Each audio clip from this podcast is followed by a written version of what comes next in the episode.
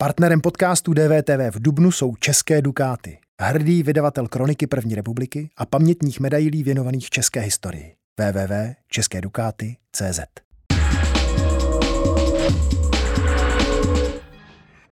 Členka Rady České televize Hana Lipovská. Dobrý večer, paní radní. Dobrý večer. Chcete odvolat generálního ředitele České televize Petra Dvořáka? Pane redaktore, to není přece vůbec věc chtění a na to chtění mého. V radě je 14 členů v současné chvíli a odvolávání generálního ředitele je naprosto přesně definováno zákonem o české televizi.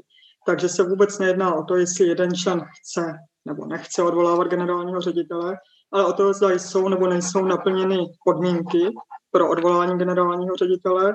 A já jsem přesvědčená, že rada, žádná rada jako celek nemá ambice odvolávat a jmenovat, ale má ambice a musí mít ambice se podílet na tom, aby česká televize jednala podle zákona v souladu s naší legislativou. To znamená, kdyby na to došlo a v radě eh, byl někdo, kdo by zvedl eh, téma odvolání Petra Dvořáka, tak vy byste hlasovala jak? Pokud by důvod k odvolání, uvedený důvod k odvolání byl naprosto nerelevantní, nějak nesouvisel se zákonem o české televizi, byl nepravdivý, tak bych samozřejmě hlasovala proti. Pokud by byl důvod plně relevantní, pak bych musela jako radní České televize jednat přesně podle zákona o České televizi, tedy musela bych bez ohledu na moje chtění nebo nechtění, bez ohledu na moje sympatie nebo antipatie, hlasovat podle zákona tedy pro. Je podle vás Petr Dvořák dobrý ředitel? Petr Dvořák je generální ředitel České televize poměrně dlouhou dobu a domnívám se, že za celé to období se jeho manažerské schopnosti vyvíjejí velmi zajímavým způsobem. Přiznám se, paní radní, že vůbec nerozumím tomu, co jste řekla. Já jsem se ptal na to, jestli je Petr Dvořák z vašeho pohledu jako členky kontrolního orgánu České televize dobrý generální ředitel.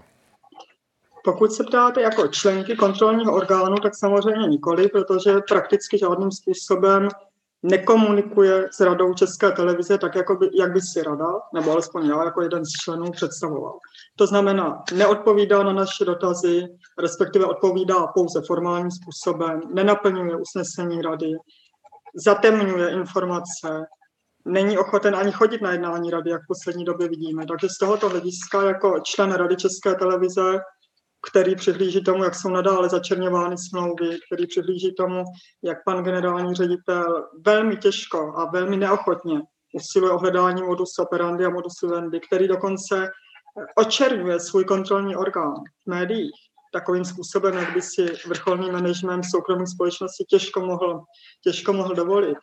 Eh, z tohoto pohledu jako člen kontrolního orgánu nemohu tvrdit, že pan generální ředitel je dobrý ředitel, ale věřím tomu, že například zaměstnanci jeho podřízení, jejich mzdy vytrvale chrání před veřejností, protože, jak mnohokrát řekl, veřejnost není připravena na to, aby znala mzdy zaměstnanců, možná, že tvůrci, zejména externí tvůrci, by jistě mohli říct, že pan generální ředitel je výborným ředitelem České televize.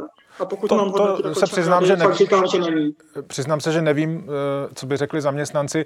A když byste měla odpovídat, možná ne tolik jako radní České televize, ale prostě jestli je eh, Petr Dvořák dobrým generálním ředitelem České televize, bez ohledu na vaše spory eh, a vztahy mezi radou a jím jako generálním ředitelem.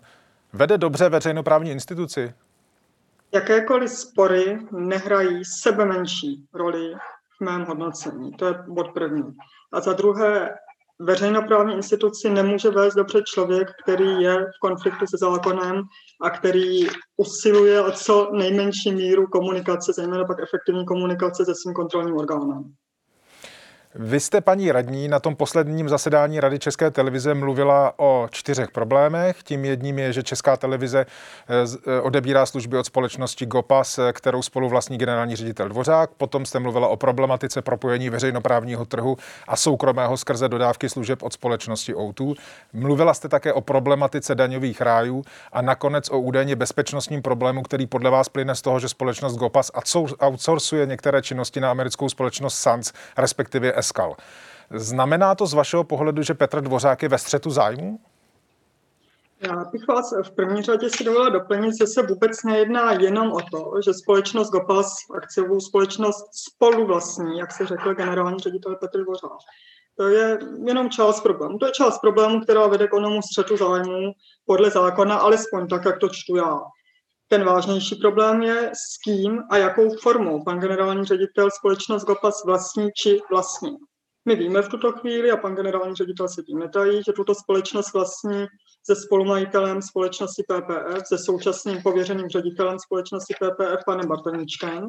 Moc se omlouvám, paní radní, ale tohle, tohle přece není tajná informace. To, pokud se do, nepletu, tak už nějakých deset let je e, informace známá. To v žádném případě není informace známá. Pan generální ředitel ji sám poprvé jasně uvedl teprve v rozhovoru pro Respekt v polovině března. Eh, pan generální ředitel od roku 2001 Radu České televize a rady další seznámil s tím, eh, že byl členem, respektive, že v dané době... Tady je Martin Veselovský. Chci vám poděkovat, že posloucháte naše rozhovory. Jestli chcete slyšet celý podcast, najdete ho na webu dvtv.cz. Tam nás můžete i podpořit a stát se členy DVTV Extra.